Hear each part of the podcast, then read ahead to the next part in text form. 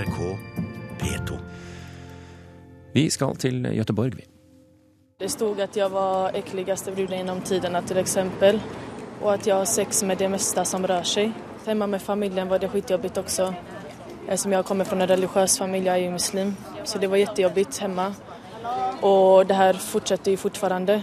Man- får meddelende, og man har villet sluta, helt enkelt bare grave seg under jorden og ikke vise seg. Det kjennes så jobbigt. Vi hørte her en av Göteborg-jentene som i fjor ble grovt hetset på bildedelingstjenesten Instagram. Og som du kunne høre i Kulturnytt i går, så dømte tingretten i Göteborg en 15 og en 16 år gammel jente for grove ærekrenkelser, etter at de i fjor la ut bilder og krenkende kommentarer på det sosiale mediet. Frida Bjørk, journalist i SVT i Göteborg, det var du som gjorde dette intervjuet her innledningsvis. Hvordan reagerer de som ble uthengt på Instagram på denne dommen som kom i går? Det har vært eh, reaksjoner reaktioner från de fleste som jeg har pratet med. Det er jo mange som er berörda. Det var mer eh, 45 tjejer som var målsäganden i denne här rättegången och som hadde hade drabbats. Nå kjenner de jo at de kan få et slut og endelig börja legge det bakom seg. Det var jo i slutet av förra året som det här eh, seglade upp och sen dess har de jo inte riktigt kunnat komma till ett avslut förrän nu et ett halvår senare och precis som vi hörde den här tjejen sa i inslaget så är det något som har pågått under hela tiden. Mm. Var denne dommen overraskende på noe vis? Nej, det kan jag inte säga. Eh, Den ena av de åtalade hade ju redan erkänt, den andra nekade men eh, visste ju om vad den här andra kompisen hade gjort. Så att, eh, att de fälldes är ingen överraskning för oss som har bevakat det här under det senaste halvåret. Och även för de som har varit inblandade så var ju det givetvis vad de hade hoppats på. Hvor omfattende var den hetsen disse ble dømt for? Det blev store stora upplopp eh, i Göteborg i december förra året när det här Instagram-kontot startades. Och det eh, accelererade under flera dager. Folk skickade bilder, omdömen, veldig grova ord användes som unga tjejer som går på högstadiet eller gymnasiet om deras sexvanor, om vad de hadde gjort, olika bedömningar. Så det eskalerade til slut precis innan jul gjennom at et gymnasium i Göteborg stormades av hundratals ungdomar som kom dit der man trodde att eh, den ene tjejen gikk som hadde startet eh, kontot.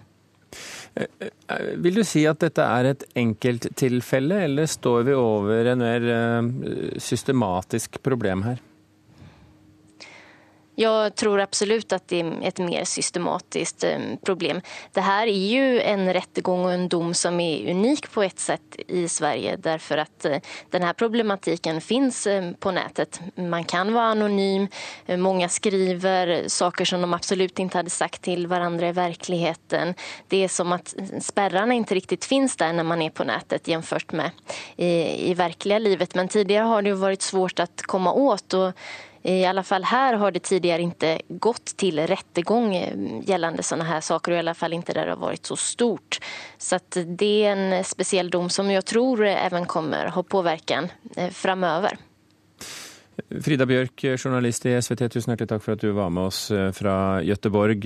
Vi har også med oss Jon Wessel Aas, advokat og ekspert på ytringsfrihet og personvern. Hva er det mest oppsiktsvekkende ved denne saken for deg som jurist?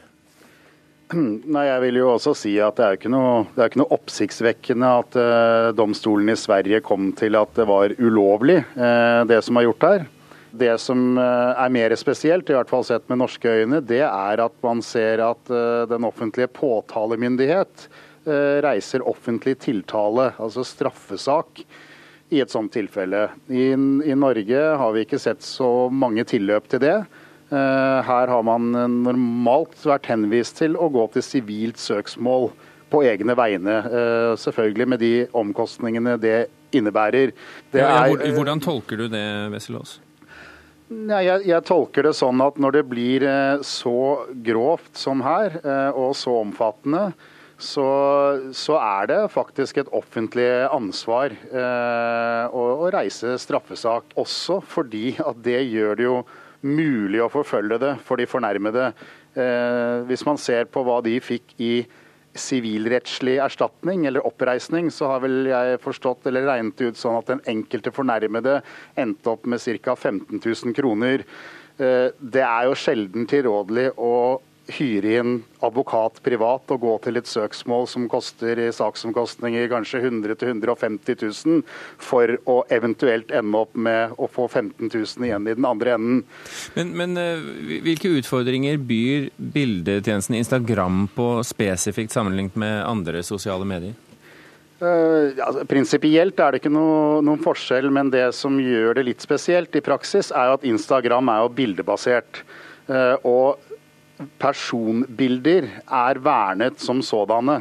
Altså Helt uavhengig av om det de viser at en person gjør er, er fornedrende eller krenkende eller ikke. Altså Et passfoto av deg eller meg kan i utgangspunktet ingen av oss publisere av den andre uten et samtykke.